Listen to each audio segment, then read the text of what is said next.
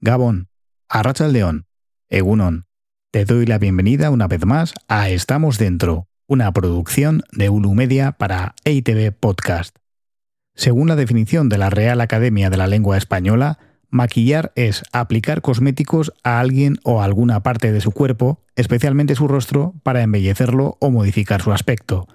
La anfitriona del cuarto capítulo de este podcast lleva más de media vida entregada a esa tarea y es una de las maquilladoras más célebres y solicitadas del cine español. Siete veces nominada en los Goya, finalmente obtuvo el premio en 2012 gracias a su trabajo en La piel que habito de Pedro Almodóvar. En la actualidad, suma ya más de 60 películas.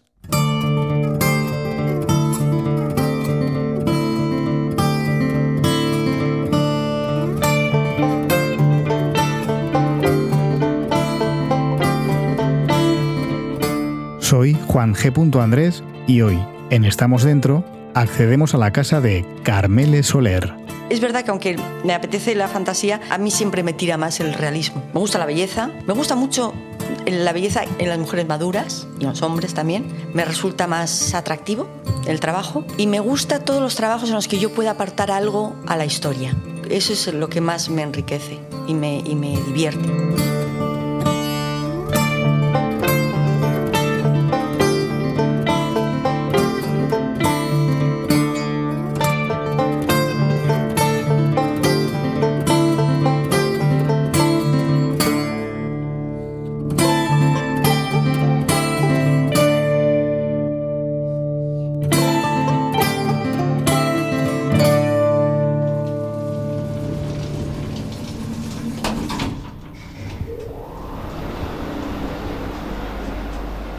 Diferencia de muchos colegas de profesión, Carmele se ha resistido siempre a mudarse a Madrid por trabajo, y aunque es asidua usuaria de los autocares Alsa, ella prefiere seguir viviendo en Donostia, su ciudad natal. Apa, gixo. Eh, Carmel dekin? Carmel ez dago ben? Carmel beste aldean da. Ah. Neni jodia, zu nik nik nik. Ah, konfunditzen nahi zaudun. Ez, zein zenbakitan da? Fondo, fondoan eskerretan. Fondo eskerretan, bale. Mi esker.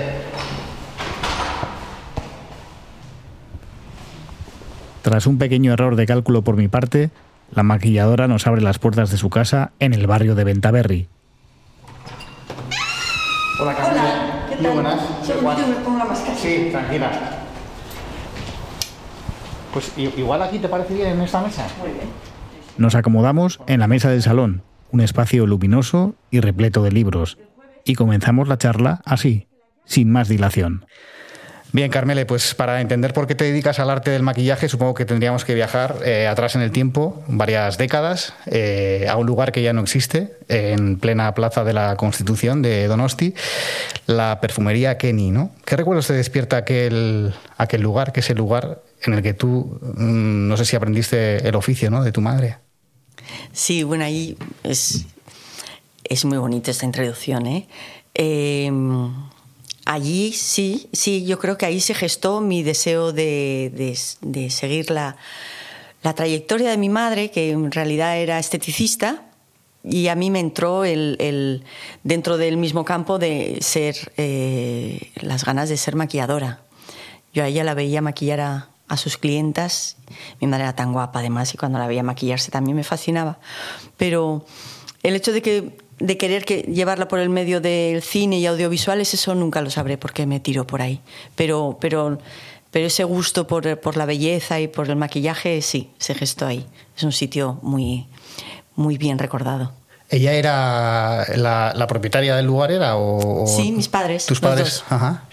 Mi padre era un futbolista profesional y dejó el fútbol y, y bueno, dejó el fútbol y se, se afincó aquí en San Sebastián. Él estaba, jugaba con el Valladolid y ya se habían casado.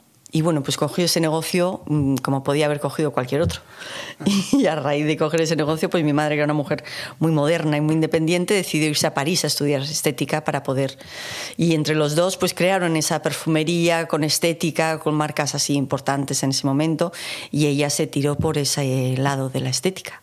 Y yo creo que fue la primera esteticista de San Sebastián. Esteticien se decía antes, ¿no? Esteticien se decía, efectivamente. sí, sí. Yo no sabía ni decir el nombre. ¿Y qué, qué- qué- qué se, qué se hacía ahí, ahí las señoras y qué tipo de clientela tenía la MA? Pues claro, como era la primera y esas cosas, ya sabes, se ponen de moda Y, y ella lo que hacía era las, las famosas limpiezas de cutis, ¿no? Cutis, ahora se dicen tratamientos faciales. Entonces eran limpiezas de cutis. y, y depilaciones y maquillaje y masajes faciales y, y sí, eso, eso ¿no? Y, y se usaban, bueno, mucha crema, por supuesto, muchos productos y electrodos. También se, recuerdo el estuche de electrodos que trajo ella de París, de la Casa Académie, de la Casa Cedip, de donde se sacó los dos títulos. Y venían, yo recuerdo la Plaza de la Constitución todavía se aparcaban los coches.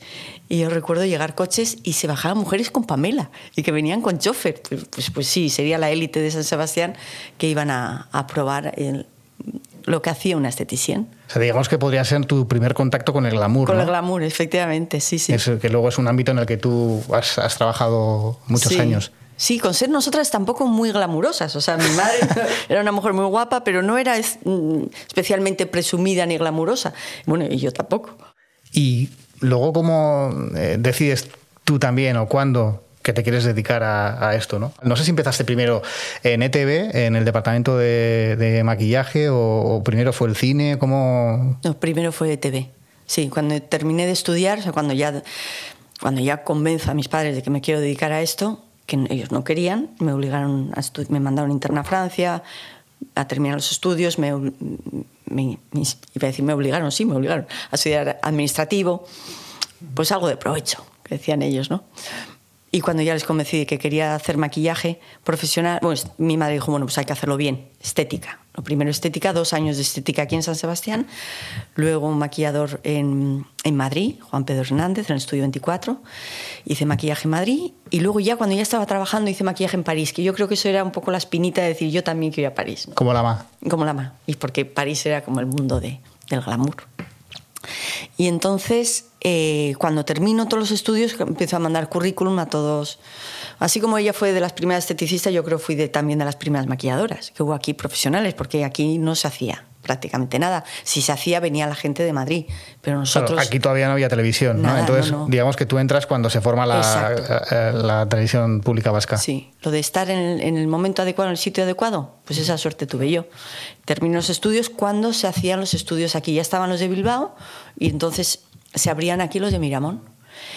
Y bueno, pues mm, después de mandar currículums a todo, todo el que pensaba que podía ser útil, me llamaron y empecé a trabajar en ETV. Y empecé al principio yo solita. Y de los primeros trabajos que hice, pues fue, me acuerdo, la primera fue maquillar a Asier Echeverría eh, en un festival de cine que él tenía que hacer una, una intervención y él nunca la habían maquillado. Y le dijeron que venía una maquilladora porque él nunca había salido en pantalla maquillado. Y yo era mi primera vez. Entonces yo pensaba, este hombre se va a dar cuenta que yo soy novata. Y él decía, esta maquilladora se va a dar cuenta de que a mí no me han maquillado nunca. Y así estuvimos los dos. Luego trabajamos mucho juntos. Claro, y luego ya lo comentaríais, ¿no? Fíjate cómo además, empezamos. Sí, es una persona, vamos, que fue muy querida para mí. Y, y nos reímos mucho de eso. Yo entonces tenía 22 años, yo no sé, tendría 28, 30, no sé.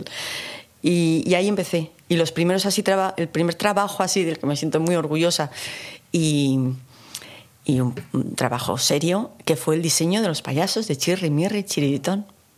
Tú eres la responsable de las caras, de cómo Sí. están pintadas sus caras. De... Sí, Ah, mira. sí. No lo sabía. Me pidió ETV, me pidió, bueno, van a salir estos payasos, San Sorena, y, y hay que hacerles un diseño de maquillaje.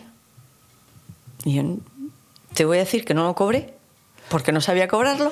Bueno, desde aquí, si nos escucha alguien de la casa, por favor, ¿No? después Porque- de todo lo que se ha visto ese maquillaje, ¿no? de todos los niños que, que- que han Sí. disfrutado de él. Claro, pero entonces era una época en que estas cosas ni sabíamos y, y a mí no me importaba un carajo cobr- cobrar, cobrarlo. O sea, me hacía una ilusión Estabas tremenda. empezando, además. Claro, estaba empezando.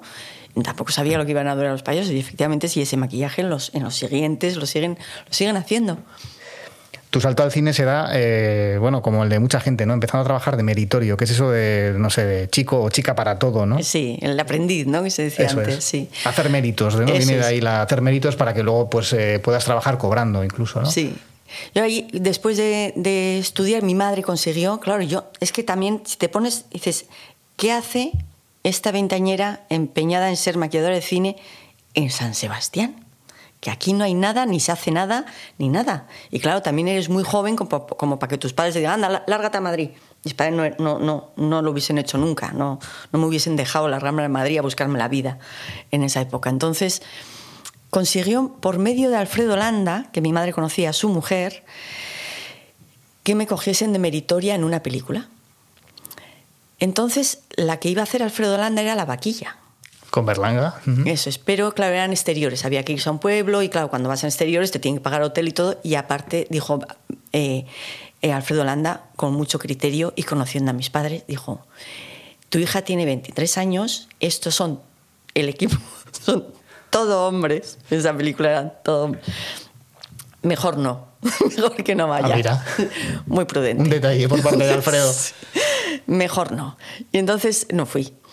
Y entonces la siguiente era una de Garci que se en Madrid, y entonces la, la maquilladora, extraordinaria, la Pato le llamamos, Romana González, es muy amiga de, de, de Alfredo Landa, dijo, vale, pero en, en, plató. Y entonces fui a esa película, que se llamaba... que se llamaba... Sesión continua. Sesión continua, eso es. Que más, fue muy gracioso porque no la hizo Alfredo Landa. Y la iban a hacer Alfredo Landa y Sacristán, y hubo algún problema entre ellos y con Garci que se enfadaron. Se enfadaron y al final no lo hizo ninguno de los dos. Pero mi gestión ya estaba hecha y la Pato me dijo, sí, sí, pero tú vienes. Y dice, vamos a hacer una cosa. Tú no puedes decir que vienes de parte de Alfredo Landa, porque aquí están muy enfadados.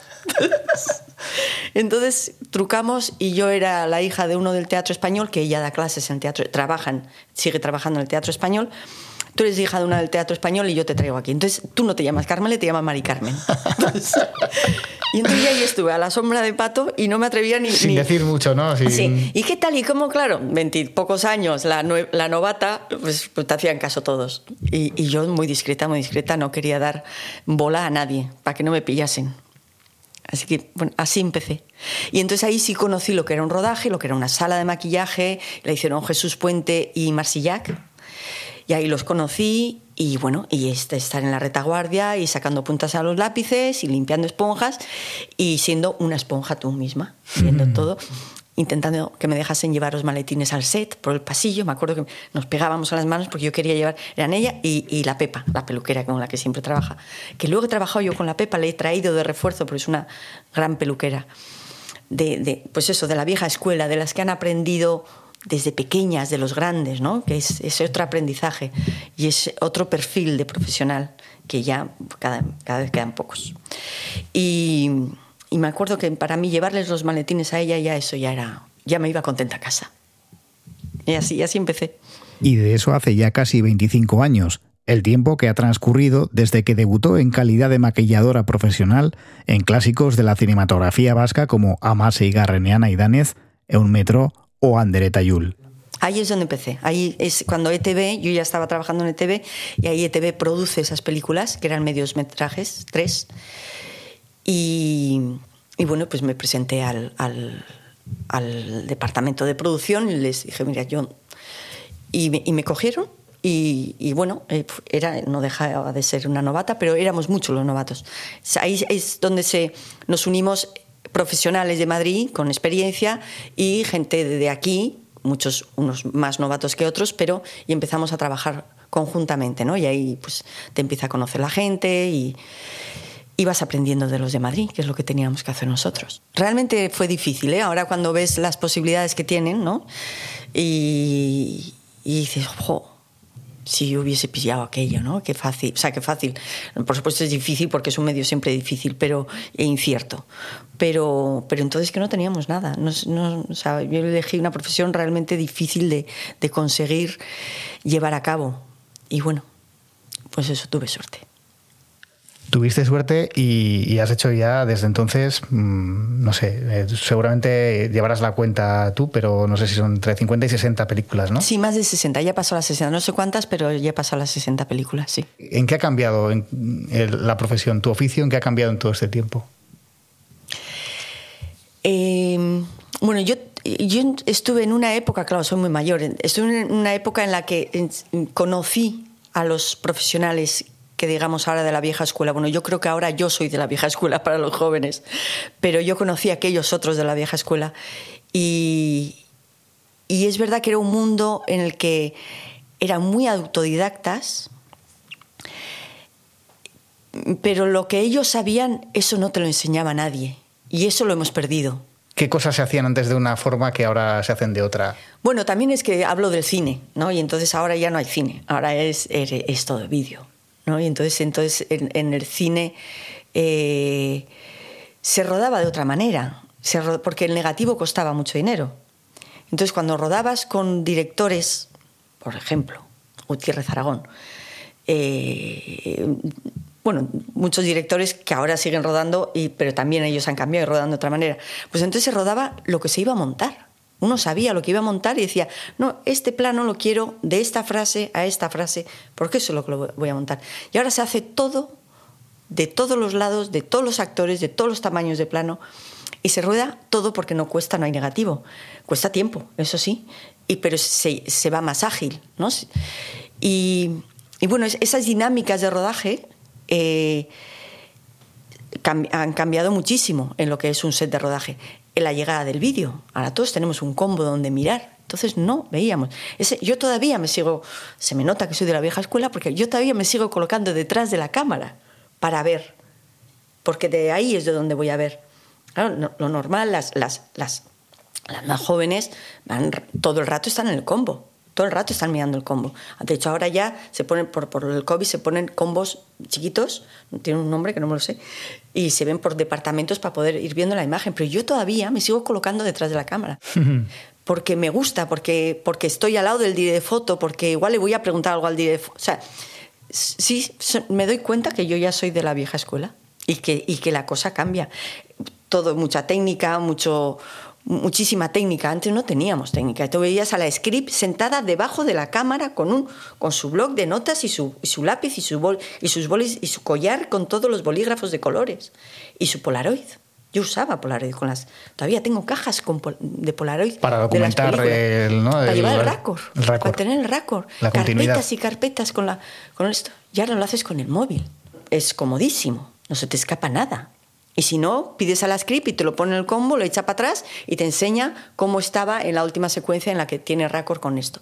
Y dices, eso es eso, magia, magia. O sea, ahora veo que es muchísimo más fácil, muchísimo más fácil.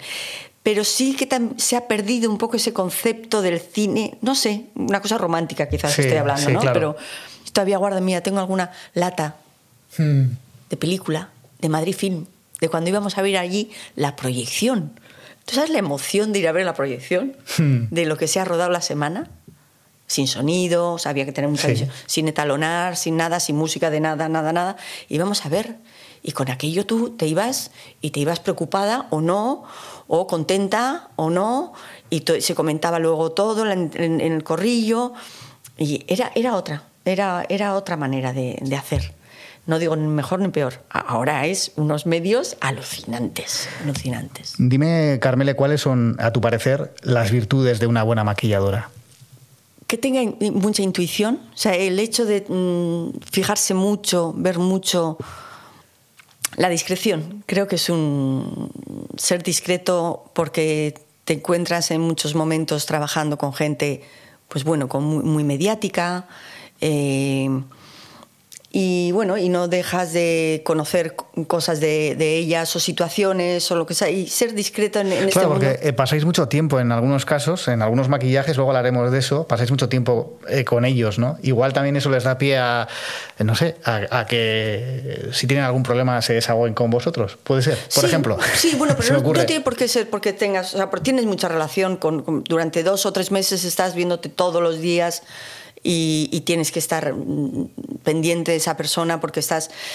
Eh, porque trabajas con ella, porque trabajas conjuntamente con los actores. O sea, es que es un trabajo precioso el, congeniar y trabajar conjuntamente el, personaje. ¿no? Ese es, un trabajo precioso, con lo cual tienes que relacionarte mucho. Pero es verdad que, que tú tienes que saber cuál es tu lugar y, y, saber cuál es el de los otros. ¿no? Entonces, intuición y discreción. Discreción, sí y qué sé yo, buen gusto. Ajá, define buen gusto.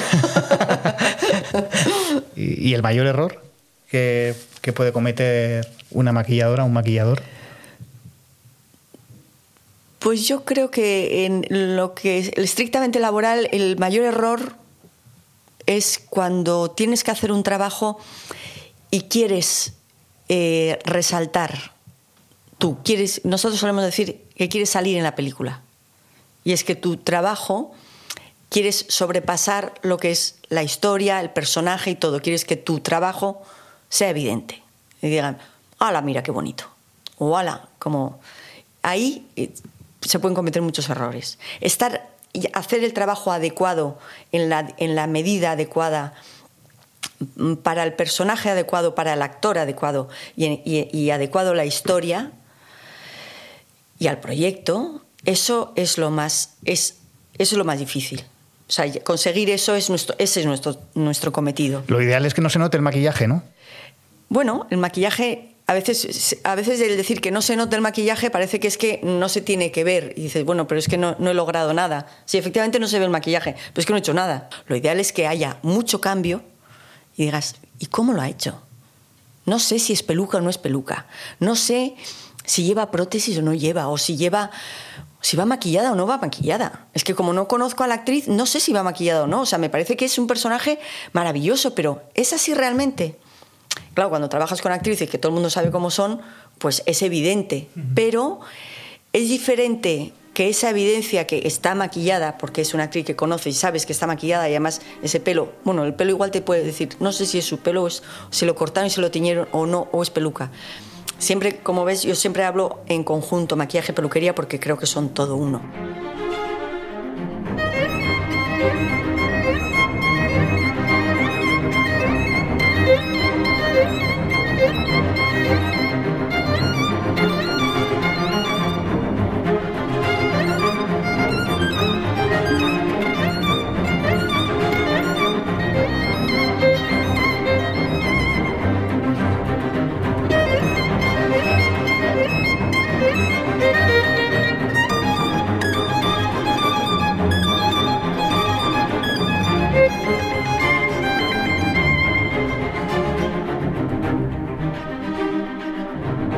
Goya para mejor maquillaje y peluquería es.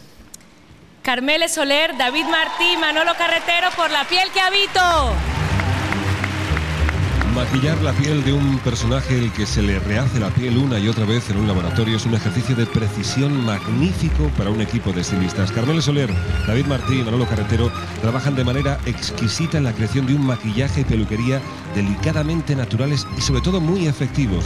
A este equipo, que están saludando a su director en estos momentos, a este equipo le apasiona superar dificultades y contribuir a la comprensión de los personajes, algo que hacen estupendamente y por eso tienen esos premios en la mano.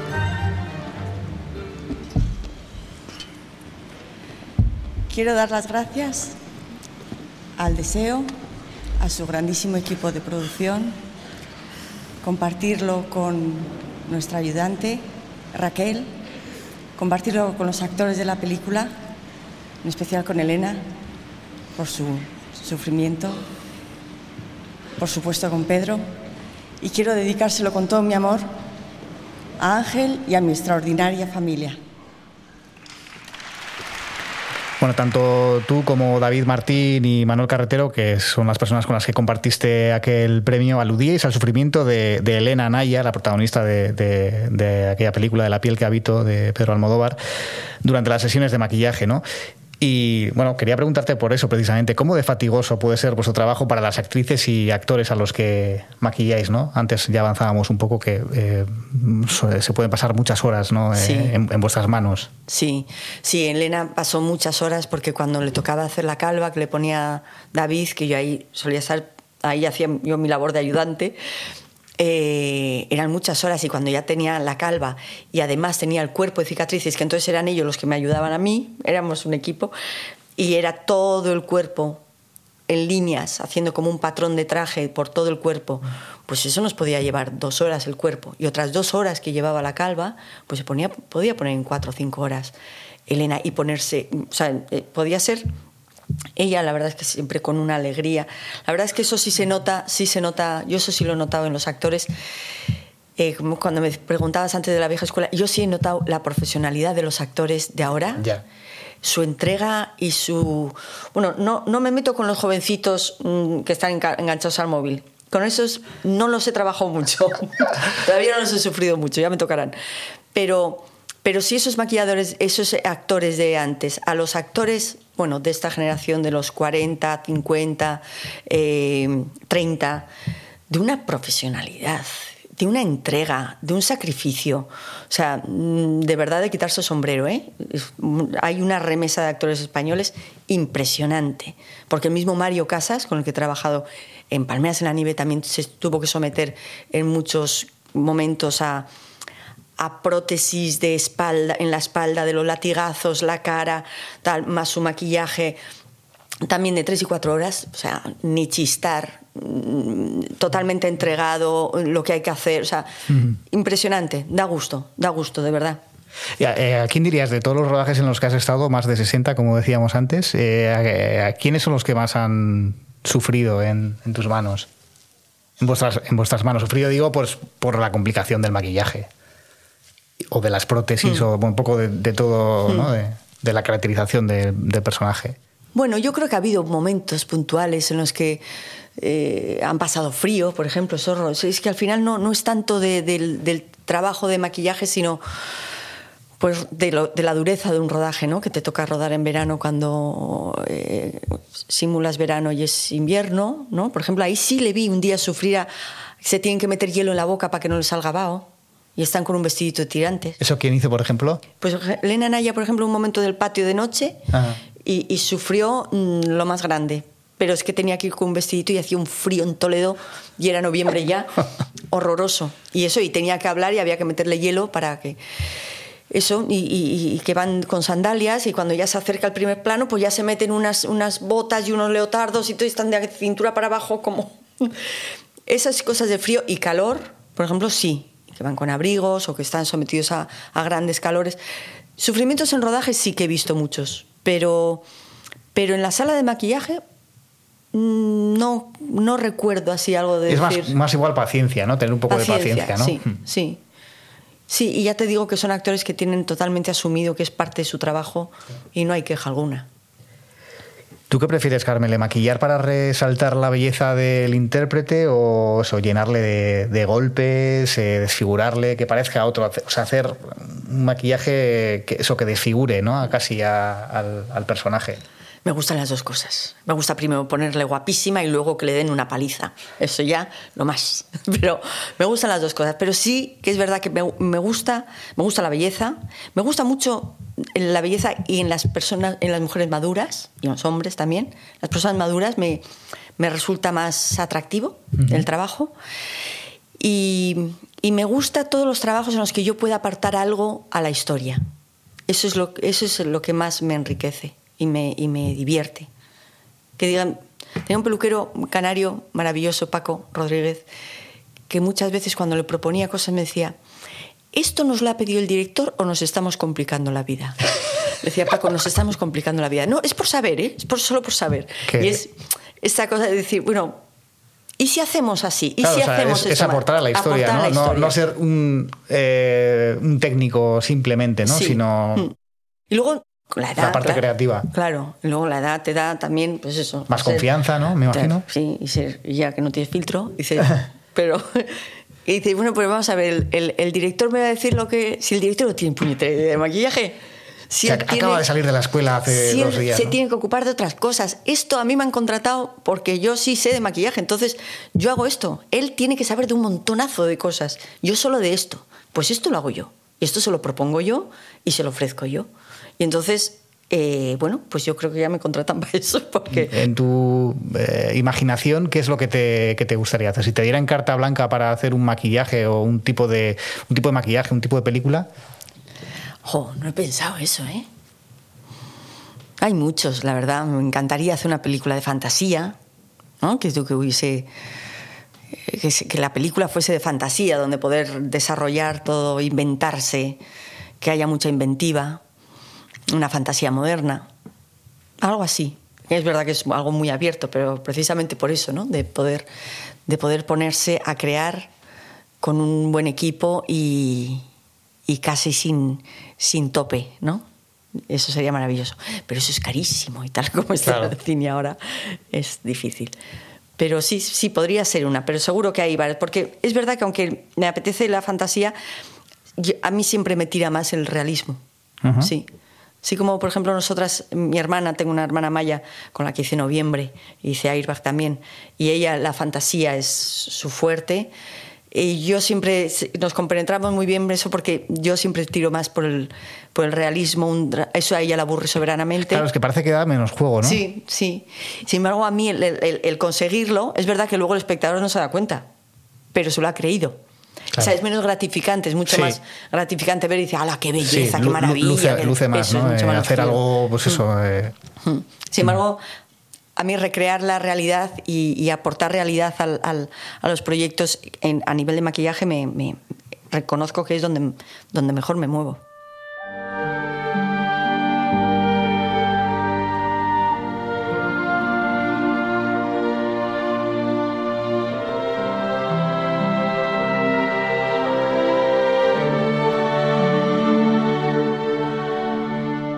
Recientemente ha tenido ocasión de ejercitar esa obsesión por el realismo en la serie Patria, con excelentes resultados además. El impactante maquillaje creado por Carmele Soler y su equipo logró envejecer con enorme veracidad a los personajes que interpretan Elena Irureta, Anne Gabarain, José Ramón Soroiz y Eneco Sagardo y entre otros miembros del reparto.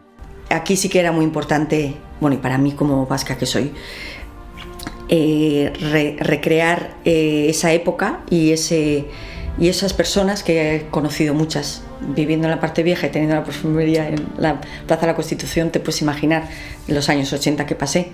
Entonces era muy importante, aunque mi equipo era de Madrid, pero, pero lograr esa credibilidad eh, tanto para los actores es muy importante. Cuando tienes, hay que caracterizarlos de mayores, es muy importante que ellos se, se- se sientan bien, ¿no? con, con- con eso que, que, que puede ser un maquillaje de dos horas, pero se tiene que levantar de ahí y todo el mundo se tiene que creer que esa mujer es mayor. ¿no? Entonces eso sí que era, era un reto y sido uno de los trabajos más gratificantes que he hecho. Sí. Reconozco que sí, estoy, estoy contenta porque el proceso fue precioso de hacer, el rodaje fue duro, pero de los mejores rodajes, larguísimo, mi primera serie hacía, pero, pero ha sido uno de los trabajos más en los que más he disfrutado. ¿Y difícil también ha sido? Muy difícil. Sí, posiblemente el trabajo más difícil que haya hecho. Ha sido, sí, tan difícil como gratificante. Oye, Carmele, eh, para la gente que no tenemos eh, mucha idea o na- ninguna idea de, de maquillaje, eh, bueno, podemos llegar a pensar que vuestro trabajo se realiza prácticamente en, en el set de rodaje, pero me imagino que, que eh, comienza mucho antes, ¿no? Y, aquí mismo, en tu casa, ¿no? Eh, es donde harás los diseños, ¿no? Aquí empiezas con la lectura de guion que te mandan, con las escaletas, las cronologías. Lo tienes que tener en cuenta si quieres hacer cambios para saber mm, la cronología de la ficción, un plan de trabajo previo para ver cómo se va a repartir ese trabajo y para ver cuánto vas a poder, porque te- hay muchos condicionantes en los rodajes y tienes que, de aquí sale tu, la propuesta de maquillaje con fotos de, mira, pues me parece que este personaje estaría bien por aquí, este look, con este pelo, con este tal. Y sí, se trabaja mucho desde casa. ¿Me enseñas el sitio en el que trabajas? Por Y, supuesto. y creo que para llegar allí tenemos que atravesar este, esta especie de, de salón de la fama, ¿no? De, de la de pasillo de la fama, eso es, en el que eh, bueno, aparecen los carteles de las siete películas que han estado eh, nominadas al, al Goya, ¿no? Sí. Eh, noviembre, Inconscientes, también La lluvia, Lope, La piel que habito, Palmeras en la nieve y la última, Ventajas de viajar en tren. Aquí están, están las nominaciones. Y con los diplomas y demás. Con su diploma y la carátula de la película. Cada año, bueno, ya ves, estos han sido iguales. Estos sí, pero porque estuve nominada en un año dos veces, fíjate, y- Ah. y, no me lo llevé. ¿eh? Eso también tiene mérito. y este es el estudio donde trabajo, aquí en el escritorio de la Itona. Ah, este escritorio Ese de escritorio es tu abuelo. sí, lo heredé. Mira qué chulada. ¿Que, eh, él, eh, ¿Trabajaba él aquí o, o sea, qué, qué hacía? Bueno, aquí? estaba en su oficina. Él tenía un- una oficina de, de efectos navales ahí en- encima del puerto, enfrente, encima de Santa María. Ajá. Y, y bueno, estaba en su oficina. Qué bonito. Lo- Es muy bonito. Claro, joder, si lo tiene restauramos una- un poco. Tiene una solera. Solera, solera, sí. El día que tenga que dejarlo me costará. Y bueno, por aquí está la impresora, aquí están libros y libros también de maquillaje y de, de- de di- fotografía, de dirección y, y el ordenador. Y los casos, y mira, y guiones, guiones, que tengo un cajón ahí lleno de guiones. Guardo los guiones, no sé qué hacer con ellos, la ¿Ah, verdad. sí? Y estos ya los hago en chiquito y estos son los últimos guiones de las últimas películas, que ya no me caben en ningún sitio. ¿Y, y tú dibujas mucho? O sea, dibujas. Yo- yo eh, dibujo fatal, dibujo fatal. Mi hermana dibuja di- divinamente y todo el mundo me dice, cuando me ve maquillar, dice, tú debes de dibujar muy bien. No, dibujo fatal. En plano, no sé. Tengo que tener Entonces, volúmenes. el diseño de un maquillaje, ¿cómo lo haces? No, el diseño yo no lo puedo hacer en papel. Ajá. Puedo explicar más o menos cómo va a ser, puedo eh, recurrir a fotos, pero yo no podría hacer un esto porque no me sirve. O sea, tendría que primero hacer la caricatura de la, de la actriz para poder hacer. O sea, si yo siempre tengo que trabajar con una persona, sobre una persona. Entonces no sé en papel en blanco. Hombre, si es una cosa artística, sí. Si es incluso una cicatriz, sí puedo hacer un tal tal y decir, mira, la cicatriz va a ir por aquí. Pero vamos, ni va a tener la textura. O sea, soy incapaz. En, o sea, todo lo que se me puede dar bien de artístico con, en el maquillaje, una negada en plano. En- en- sí, en plano no, no- no sé, no sé hacerlo. ¿Y, y- y material tienes aquí? ¿Material para.? No, eh, tengo los, ba- los baúles, los tengo, son baúles, eh, ya no son maletines. Los baúles los tengo en el trastero y luego en el estudio también tenemos. El Goya, por ejemplo, está en el estudio, el Cinemira también está iba- en el te- Te iba estudio. a pedir que me enseñaras los galardones. Fíjate, si llegas a ver, esto se hubiese traído a casa. El, el famoso cabezón. El famoso cabezón está, está allí, está en el estudio que, bueno, siempre he pensado que era el sitio idóneo para, para que estuviese. Sí, pero es verdad que para los que no, no habéis estado o no conocéis, hay muchas cosas que os sorprenden. Dice, pero ¿cómo? ¿No? Mi hermano, por ejemplo, que es ingeniero, que cuando le contaba cosas así de detalle, me decía, de detalles, no, porque entonces, porque voy a hacer esto, voy a hacer lo otro. Decía, Carmele, pero tú ya te das cuenta de que eso no se da cuenta nadie. Digo, eso es lo que tú te crees. Porque Claro. no se ve, pero se siente. Eso es lo que se... Claro. Entonces, Todo- y luego las, todo suma, ¿no? Todo Cualquier suma. detalle. Y las cosas que tenemos que tener en todos los departamentos, no solamente digo maquillaje, en todo lo que tenemos que pensar antes de empezar un proyecto es enorme, enorme. La de cantidad de cosas que tenemos que tener en cuenta y todo lo que tenemos que pensar y documentarnos mucho también. En cuanto te toca una película que tenga que esté ambientada en algún sitio o en, en O en alguna una época, época antigua, claro. o en un entorno de un estatus social que no es el tuyo, que no controlas mucho, hay que documentarse muchísimo, muchísimo. No, tam- también la lluvia, que bueno, imagínate, también tuve que leer los cuadernos de Colón. Claro, para, Porque no para hay- maquillar a los indios, ¿no? Claro, no hay fotos de eso. Claro, cuando, y además cuando te metes en épocas en las que ya no hay, no hay documento fotográfico, tienes que recurrir a la pintura. Y entonces de la pintura puedes sacar muchas cosas, pero en los cuadernos de Colón se habla de colores que usaban. Entonces eh, se habla de que usan el blanco, y que usan el negro, de dónde lo sacan. Y allí vamos a tener un montón de etnias. Entonces estaban los yuracares, los quechuas, los aymaras. Claro, que para mí son todos iguales, como ignorante que soy, pero claro, para ellos es como un esquimal de un inglés. O sea, entonces había que unificar a toda esa Claro. figuración que, para que pareciesen. Claro. Y entonces elaborar todo eso, imagina tú todo lo que hubo que, que- que pensar y probar y, y indagar y. y dices, bueno, puede ser otro color, que si total nadie los vio, ¿no? Bueno, pues hay que documentarse, hay que leer mucho. En el Guardián Visible que va de asesinatos de niñas, teníamos eh, un asesor que era eh, un policía de la, de la científica, que era forense, con el que aprendí muchísimo. Además, bueno, era una persona maravillosa que nos ayudó a todos, pero especialmente a maquillaje. Yo le consultaba todo, pero teníamos grandes discusiones de encontrar lo que era cinematográfico y lo que era de verdad. O sea, él me proponía cosas, decía, no, aquí, si ha muerto así, que es como se describe, que ha muerto así, tendría que tener esto, esto y esto y esto y esto. Y digo, bueno, estas tres cosas no, porque no se pueden. Que tenga los ojos secos. Bueno, pues no, no, no, no tengo nada para que lo pueda hacer. Eh, cosas que ya lo de- descartas, ¿no? De saque. Pero había otras que decían, no, no, no, eso no lo voy a hacer porque no es. O sea, es que eso da mucho asco, va a vomitar el patio de butacas, no. Y la película no va de gore. O sea, hay que buscar algo que sea realista, que el espectador le impresione, pero que no vomite. Entonces, teníamos esa guerra. Y a veces decía, bueno, no me digas que solamente sangra esto. Sí, porque se la ha parado, porque no sé qué. Bueno, un poquito más de sangre hay que poner. Porque a ver, se va a parecer que ha muerto un infarto. O sea, ¿sabes? Estas bobadas, pero que, que sí que... Y luego él lo fue entendiendo y se, y y, nos entendíamos muy bien porque entendía en lo que era cinematográfico, ¿no? Porque muchas veces la realidad no es cinematográfica. Entonces aprendí mucho y le consulté mucho y de hecho luego me fui a otras películas y él me dijo siempre que quieras y todavía le he seguido llamando para preguntar, oyes, ¿cómo quedaría? ¿No? Cuando me enseñaba... Una puñalada en... Sí, de- después de tanto tiempo con el puñal dentro, ¿cómo? ¿Cómo, qué- cómo se, ne- se necrosa? ¿Cómo? Que, con, con- con un moratón o con tal... Y te lo cuenta todo. Fue súper interesante, súper interesante. Pero eso, documentarse es muy importante, aunque solamente sea para no hacerlo. O sea, va a decir, bueno, no, no nos vale como opción, pero, pero vamos a hacer, porque no solamente tiene que... En muchos casos no hace falta que sea real, o sea, sino que tiene que parecer real. El espectador no se lo tiene que cuestionar, le tiene que parecer de verdad. Aunque eso no, se, no pase nunca, ¿no? Porque igual la, la verdad no se lo cree. Y al ser en cine, que saben que todo es falso, pues todavía tiene menos credibilidad, ¿no? Tiene que parecer de verdad.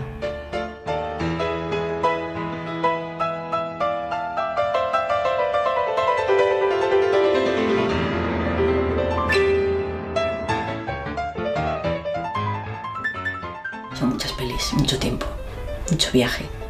Para una donostiarra, mucho viaje. Pero no te has ido a Madrid. No me he quedado nunca en Madrid. Me, me- me he pasado la vida en el Alsa Continental. Entonces era Alsa Continental, ahora es Alsa. Y, y he viajado muchísimo, muchísimo, muchísimo, muchísimo. Me he dejado, o sea, yo creo que tenía los riñones aquí, puesto Alsa Continental. Me he dejado los riñones el autobús. Por el autobús, como es más inmediato, decía, hoy termino pronto el rodaje, pum, me voy. Tal, hoy me quedo tal y vuelvo de noche. Y, tal. Y así, los de provincias pasamos así. Pero bueno, hay muchos que se han quedado en Madrid. Es- y es yo que no. yo, pensa- yo pensaba que tú estabas en Madrid. Sí, sí, pero no me, me resistido. Me gusta mucho Madrid, ¿eh? Y, pero, pero, pero claro, poderse venir aquí y salir de esa vorágine, Claro. tanto del mundo del cine, que no es mi vida, y, y de, de una gran ciudad, pues claro, esto es un, esto es un oasis.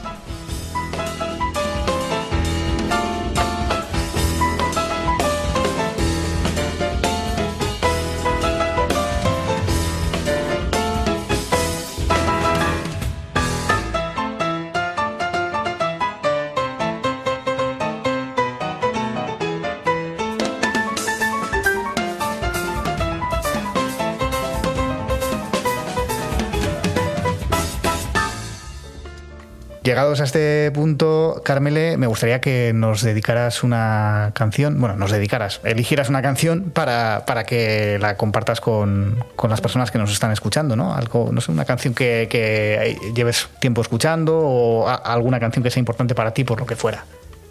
Qué difícil. claro, tiene que ser canción, tiene que tener letra. No, No tiene que tener letra. no, la que tú quieras. Bueno, un tema que a mí me, me- a mí me gusta muchísimo el jazz, lo descubrí con Calle 54 de, De Trueba. Fernan- de Trueba y, y ahí con esa película me di cuenta de que me gustaba mucho el jazz. Y, y entonces soy fan de Michel Camilo. Pianista. absoluto. Y hay un tema que se llama Caribe, que creo que lo tengo en todas las versiones que puede estar, que lo tienen muchos discos, y, y es un tema con el que yo eh, empecé a amar el jazz.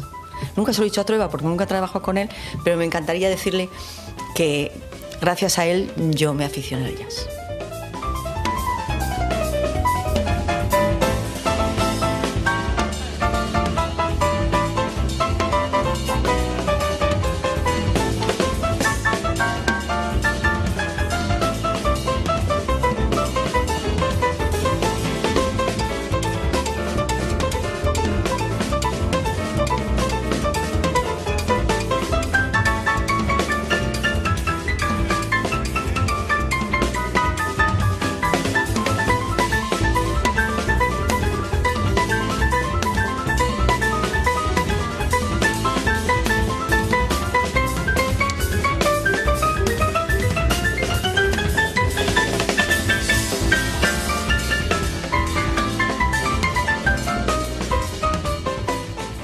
Ha trabajado con algunas de las mejores directoras y directores del cine español, así que no me resisto a pedirle alguna anécdota.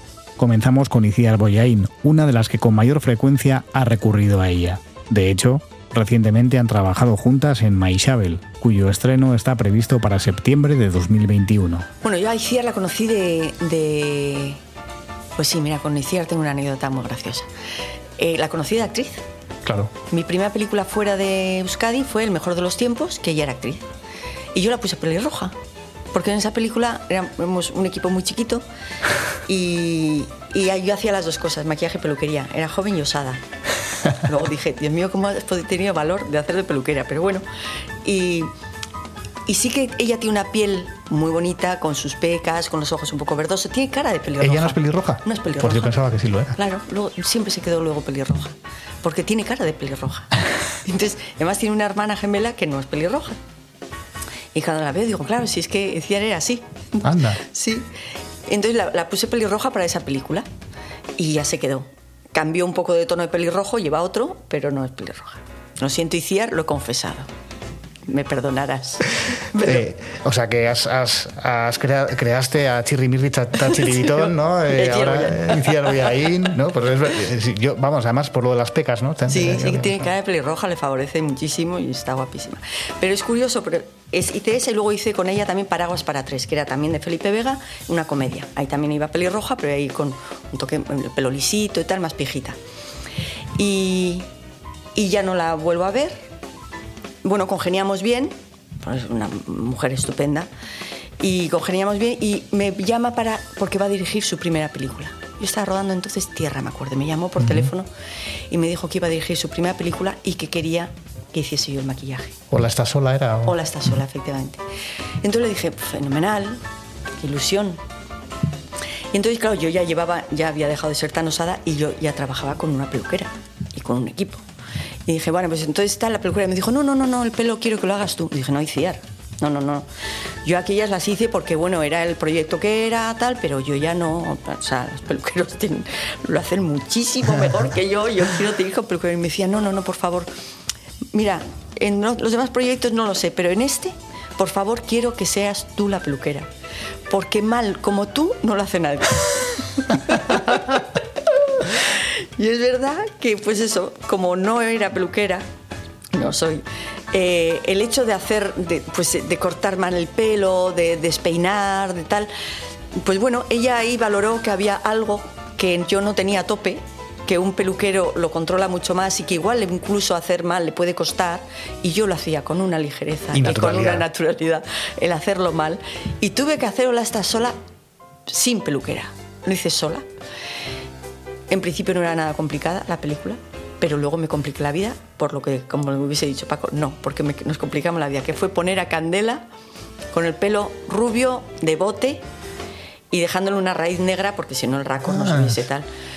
Y decía, yo te dije que podías no hacer nada, pero te has querido complicar la vida. Y efectivamente se lo propuse a Candela, se volvió loca Candela, como no. Y ahí teñimos el pelo, la melenaza. Le lleva a un sitio, ¿eh? A hacerlo, a un sitio con un profesional que se lo hizo muy bien. Y luego ya el día a día, pues eso ya fui peinando yo y haciendo mal como le gustaba decir. Luego ha repetido con ella, pues eso, en eh, también La Lluvia, El Olivo, Yuli, un montón de Sí. películas, ¿no? Eh, Juanma Bajulloa, ¿no? Eh, con él has hecho desde películas tremendamente intimistas y contenidas como, como Alas de Mariposa o La Madre Muerta y hasta una locura como Airbag. Exacto, sí.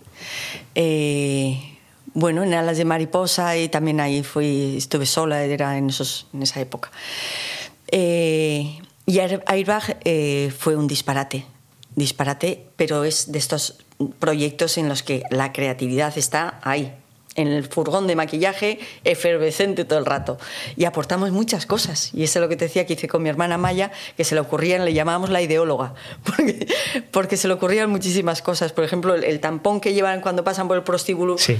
con el código de barras, hicimos un tampón y les poníamos a ellos para que pasasen luego por caja. Y Juanma, es verdad que te lo... Te, te- no es que te lo compre todo, pero te, abre mucho las puertas porque le gusta mucho el maquillaje y le gusta mucho utilizar el maquillaje para contar.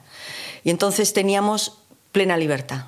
Él nos pedía disparates que también había que quitarle de la cabeza, como la peluca blanca de, de María Medeiros, que dices, ¿por qué? O sea, es complicaciones todo el rato, pero que había que salvar y que había que sacar adelante.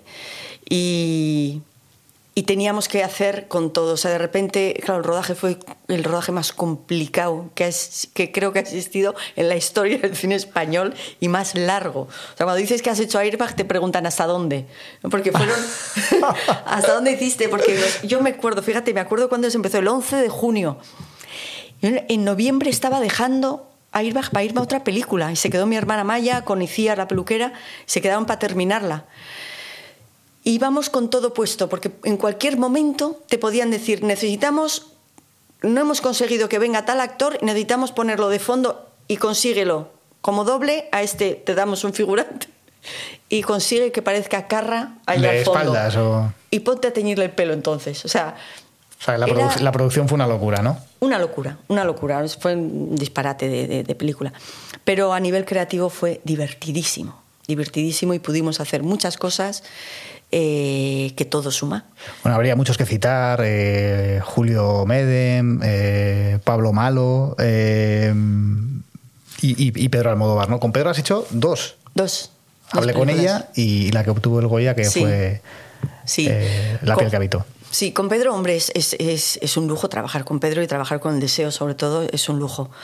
Eh, con Pedro es una persona que a mí me daba rabia un- un- una cosa con Pedro, y es que le- valoras tanto su criterio estético que te pones un poco a la reta, o sea, te pones un, das un pasito atrás. Así como te digo que con Juanma te adelantas porque sabes y le propones y tal. Con Pedro siempre te da como ¿Te intimida igual un poco? Sí, más que intimidar porque él, porque es un encanto, bueno, como todos, cuando, cuando se enfada, ¿no?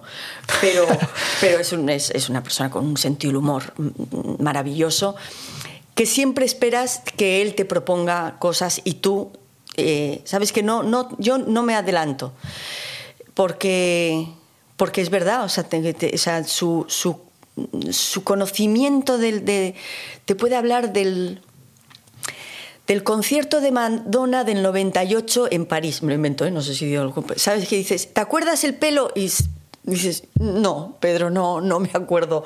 Pero él, ¿sabes? Tiene unas referencias estéticas. O sea, es tan. Es tan es tan vasta su, su, su, Ya, que su conocimiento, igual, sí. apabulla. Entonces, sí, reconozco que así como con otros, o que, o que me he perdido cosas, me he perdido de hacerle propuestas porque he esperado las suyas, ¿no? Y, y bueno, y también porque, eh, por ejemplo, puede dudar mucho, mucho, mucho, mucho y te puedes, te puedes volver muy loca con él, él también.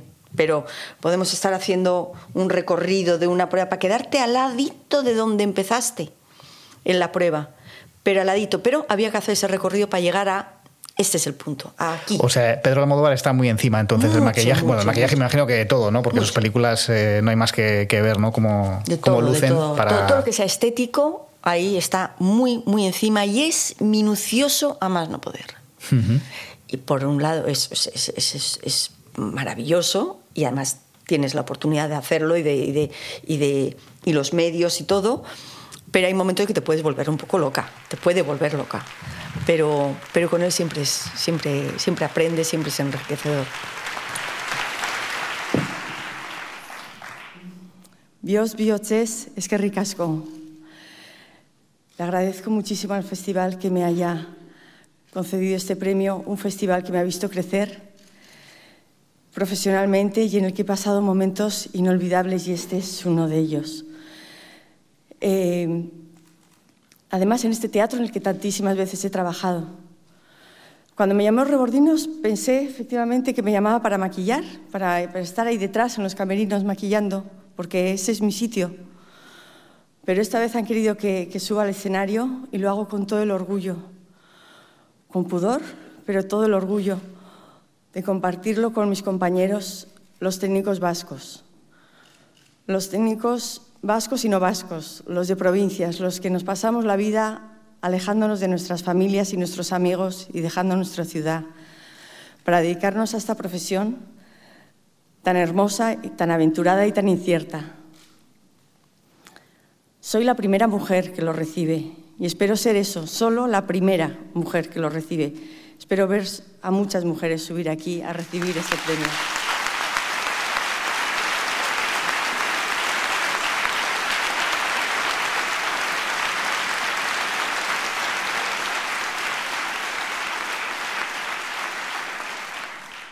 Y se lo quiero dedicar a una gran mujer, a mi madre. Esto va por ti, ama.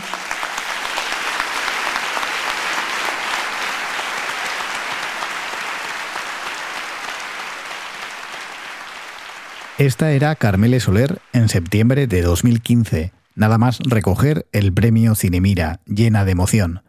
Primero porque dedicaba el galardón a su mamá, que había fallecido recientemente, y después porque recibía la distinción en casa, en el Victoria Eugenia y en un festival, el de San Sebastián, donde lleva años maquillando a las estrellas más diversas. Pero, pero sí, he maquillado a, a, Susan Sarandon, pero en la primera, cuando le dieron el premio Donosti, Sí, ah, sí, que ahí me acuerdo que estábamos en la habitación y sal- pasó una manifestación por delante de las muchas que había en esa época, porque eran finales de los 80, creo, o principios de los 90, y, y ahí quería bajar ella, me pedía, como yo no hablo inglés, hablo francés, y bueno, si, si no le paro, se baja la manifestación. Se apunta más. Sí, sí, es muy eh, militante, sí. Sí. Y entonces, bueno, le expliqué cómo pude y tal, y bueno, ya a duras penas a- admitió volverse a sentar y seguir maquillándola. Sí. Y encantadora, luego me sacaba los vestidos para elegir y tal. Pues, maquillé a Naomi Watts, que por ejemplo me pareció una mujer pequeñita, casi transparente, tan blanca, y de verdad que cuando la vi al natural, es verdad que cuando llegas a estas mujeres, eh, a estas celebridades tan, tan importantes, eh, pasas tantos filtros de agentes y todo que cuando llegas están muy confiados. O sea, están, el, el ambiente es muy tranquilo, confían mucho en ti, a veces hasta se duermen. Sí. y, y con Naomi Watts me pasó que la vi y ¿de verdad que esta es Naomi Watts? O sea, era una niña transparente. Y me, y me- y me puse nerviosa. Me puse nerviosa porque pensé, uff, la tengo que dibujar entera. O sea, y efectivamente, cuando empiezas a maquillarla, empecé dándole la base, empiezas a dibujar un poco las cejas muy rubias, y empieza a aparecer Naomi Watts. ¿Sabes? Empiezas a dibujarla, porque era un lienzo en blanco. Y bueno, eh, reconozco que el primer momento me puse un poco nerviosa, decir, no sé si voy a lograr hacer a de- con esto, de aquí, sal- que salga Naomi Watts. O sea, típico que igual le, le ves por la calle y no la habría reconocido, ¿no? En Con absoluto. la cara lavada, como se suele Sí, decir, ¿no? Sí, era una chica jovencísima, parecía jovencísima por eso. Y bueno, ni se quiso mirar al espejo, le tuve que decir yo que por favor fuese al baño a mirarse al espejo, porque ella salía por la puerta. Imagínate la confianza que tenía. Y luego se me durmió, se puso así como en forma de, de yoga y tal, cerró los ojos y, le tuve que tocar la piernita así para decirle que ya estaba. Y entonces abrió los ojos y ah, se vistió y se iba. Bueno, como anécdotas así. Luego a, a, a Glenn Close le maquilló cuando su premio Donosti y la última vez que vino a, presentar. Y, pero luego fue la anécdota fue de la novata con Betty Davis. Cuéntanos, porque eh, la he escuchado referenciada alguna vez, pero no tengo claro si te rechazó Sí, claro, hay, hay un documental, sí, sí, me rechazó, me rechazó. Hay un documental que, que lo explico todo muy bien, de, de todos, Sí, un documental muy sí, gracioso sí. que todos, ¿no? Teníamos un poco todos novatos. Y entonces estaba Pilar Olascuaga. Sí. Y Pilar Olascuaga llama a la perfumería Kenny que te he nombrado antes, que ahí estaba yo, y me pide para maquillar a Betty Davis.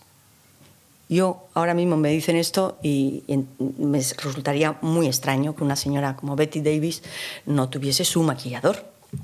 Pero bueno, éramos ahí un poco novatos en esto. Y, y sobre todo yo.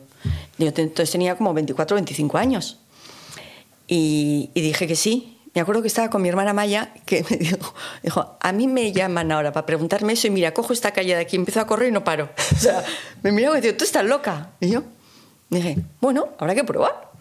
Entonces, Lo de la osadía que decías lo antes, sabía, sí, sí, qué barbaridad. Entonces, eh, había que recibirla. O sea, la recibían, hizo aquella llegada que venía de París ella, del, del oncológico. Y nada, me la presentaron un momentito y yo hice fotografía con, mirándola de cómo era su maquillaje. Yo no pretendía inventarme el maquillaje de Betty Davis, ni muchísimo menos. Yo quería copiar lo que venía. Pero sí, ahí me asusté porque me di cuenta que la mitad de aquello era postizo. O sea, las cejas eran pintadas, las pestañas eran postizas, el pelo era peluca y estaba muy, muy delgada. Durante dos días estuve yendo, porque me lo pedía ella, y entonces por medio de las azafatas, que si a encontrar el sitio en la suite para maquillarla, que si necesitamos eh, eh, algún producto de cosmética me lo pidieron a mí, yo, yo les llevé, les saludaba, encantadora, Carmelita me llamaba. Pero el primer día que fui a elegir el sitio y que me abrió ella, como había visto cómo era todo lo que tenía postizo, dije, ¿y cómo está ella, no? Con esta edad y con esta enfermedad. Entonces, cuando me fue a abrir la puerta, ella siempre estaba con una secretaria que hablaba francés y yo me relacionaba con ella. Entonces, pero el primer día que me abre la puerta la secretaria y ella está esperándome, la recuerdo cómo iba, iba con una camisa negra, con unos panties eh, de estos de encaje, pero que apenas, más que cuando doblaba la pierna se notaba que era encaje de lo delgaditas que eran, y tacones. Y la camisa muy cerrada, con, con puños, todo. Y claro, sin maquillaje y sin peluca. Y cuando toqué esa puerta dije, Carmele, que no se te note, que no se te note, que no se te note, que no se te note, que te vas a asustar. Porque yo sabía que me iba a esperar algo, pero no sabía cómo iba a ser. Y disimulé lo mejor que pude. Que yo creo que coló, porque ella estuvo muy simpática conmigo. Fumaba todo el rato, no tenía ni cenicero, porque tiraba los cigarros a una papelera con agua, que tenía un poquito de agua, y tiraba ahí los cigarros. Y encendía uno con otro. Yo creo que no había ni mechero ahí, uno con otro, pim, pam, pim, pam. Y, bueno, me volví un poco loca porque yo elegía un sitio, decía mejor el otro, pues, pues el otro no, pero entonces el este. Bueno, cosas suyas. Pero yo la miraba todo el rato. Y claro, yo para entonces ya me había documentado de cómo eran las cejas de Betty Davis en, en tal año, en tal otro y en tal otro. Cómo era la boca de Betty Davis porque cambió mucho en épocas. Y cómo tenían que ser las de ese día, que yo lo, su lo que había hecho su maquillador de París, que un maquillaje exquisito, es lo que yo quería reproducir. Cuando llega el día, y, iluminé el set y para maquillarle. Y ahí es donde yo me di cuenta. Claro, yo había estudiado en París y el maquillador era también de la misma escuela que yo. Anda. Y los productos, que tiene unos productos específicos, casualidad, eran los mismos. Y entonces ella ahí como que se le iluminó la cara cuando vio estos productos, pues es verdad que son buenísimos y ella lo conocía, ¿no? Pero ella estaba dispuesta a echarme. Ella lo que quería era echarme. Y era una prueba de maquillaje, ¿eh? Y con esa prueba iba a conseguir echarme. Porque ella quería que viniese su maquillador de París como era normal, lo normal. Entonces yo intenté reproducir aquel maquillaje y no me dejaba. No me dejaba y empezó a pedirme cosas como sombras azules, como líneas de eyeliner negras muy... Y yo intentaba bandeármela y hubo un par de veces que tuve que parar y decía, "Bueno, ¿qué hago? ¿Qué hago? ¿Qué hago? Y entonces empecé a obedecerle y fue un desastre. Me fui de allí, bajé llorando, dije, ya está, he fracasado totalmente, pero he fracasado.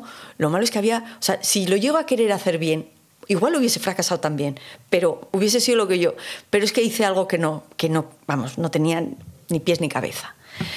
Pero era lo que ella quería, porque era la prueba de que yo no le servía y tenía que venir su Ya, maquillador. ya. Entonces luego, en estas cosas que también, mira, que yo tampoco quise cobrar, porque me parece, cuando Pilar Lascaga me dijo, bueno, pásame una factura, dije, no, porque no lo he conseguido, no lo quiero cobrar. Y ella me dijo, bueno, no pensé que ibas a llegar a hacer la prueba. Y dije, ¿por qué? Me dijo, porque cuando te la presentamos, en aquel momento de su llegada, cuando te la presentamos, dijo, "Tss, no la quiero, es un bebé en inglés. Me dijo. Y Pilar dijo, bueno, sales joven, pero es la mejor que tenemos aquí y tal. No, no, no, no, no la quiero, es un bebé. Ella no puede saber cómo son los, los- las cejas de, de Betty Davis ni los ojos de Betty Davis. No la quiero. Dijo, por favor, déjanos que haga una prueba. Y claro, dijo, vale, muy bien, pero la voy a machacar. y entonces cuando me contó esto Pilar Blasco, le dije, me lo podías haber dicho. Claro, porque y- hubiese ido no hubiese salido llorando, lo hubiese intentado igual, lo hubiese fracasado seguro, pero bueno, era un reto que dices, bueno, ¿lo quieres probar? Pues hombre, tengo la oportunidad, no me arrepiento de haber conocido a Betty Davis, pero sí me llevé un disgusto porque, porque no, fue, no fue agra- agradable. Luego coincidimos en la, en la entrevista, yo maquillé a la periodista, la, la entrevista que le hizo TV con Gema, yo maquillé a Gema, que además había que ponerla un poco de mayor, porque dije, no quiero que te pase, que te rechace. Te voy a maquillar un poco Ya, de de señora. y de claro. la peinamos un poco de señora porque es verdad que tenía fila con, con los jóvenes. Ya. Le caían mal y no se fiaba de ellos para nada. Y entonces le hizo, y ahí conocí al maquillador. Efectivamente. Al final estuvo- lo trajeron de París para- Claro, vino su maquillador de París, un señor mayor, pues como, bueno, a mí me parecía mayor, pues tendría 50, 60 años, y, y le maquilló divinamente y, y quizás, yo qué sé, igual es de entonces, fíjate que me viene este atractivo por maquillar a las, a las mujeres más maduras. Quizás sea por ahí. yo Era sé. como la asignatura pendiente Sí, o no. ser, ¿no? Sí, y porque es verdad que me, que, me, que me resultaba muy atractivo maquillarla. Y ahora mismo me resultaría muy atractivo maquillar a Betty Davis en, en aquella época. Y de hecho, cuando me dieron el cine Mira, fíjate, pensé, fíjate, si Betty Davis me viese que estoy en el mismo escenario que ella, recibiendo este premio.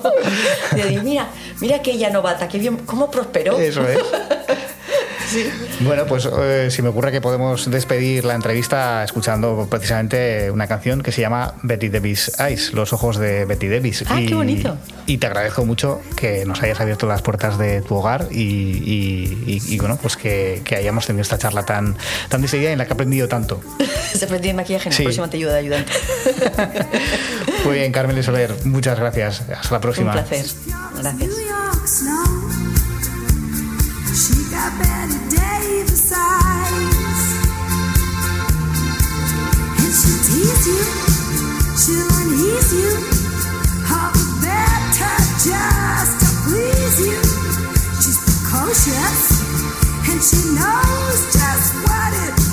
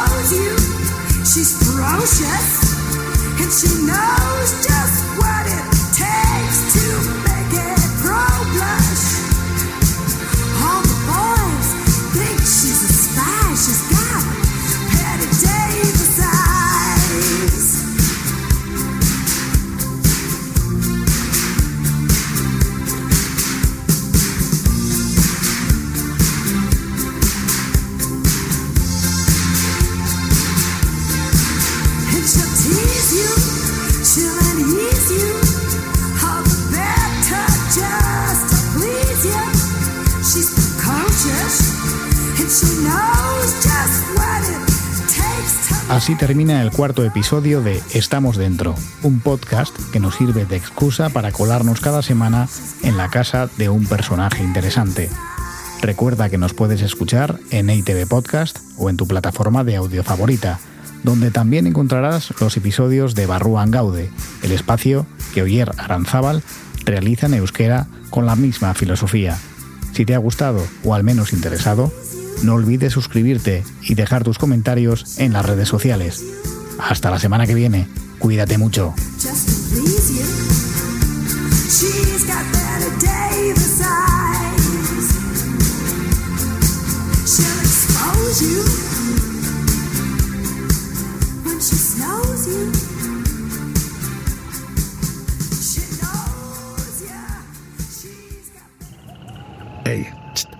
to please you. Ulum Media.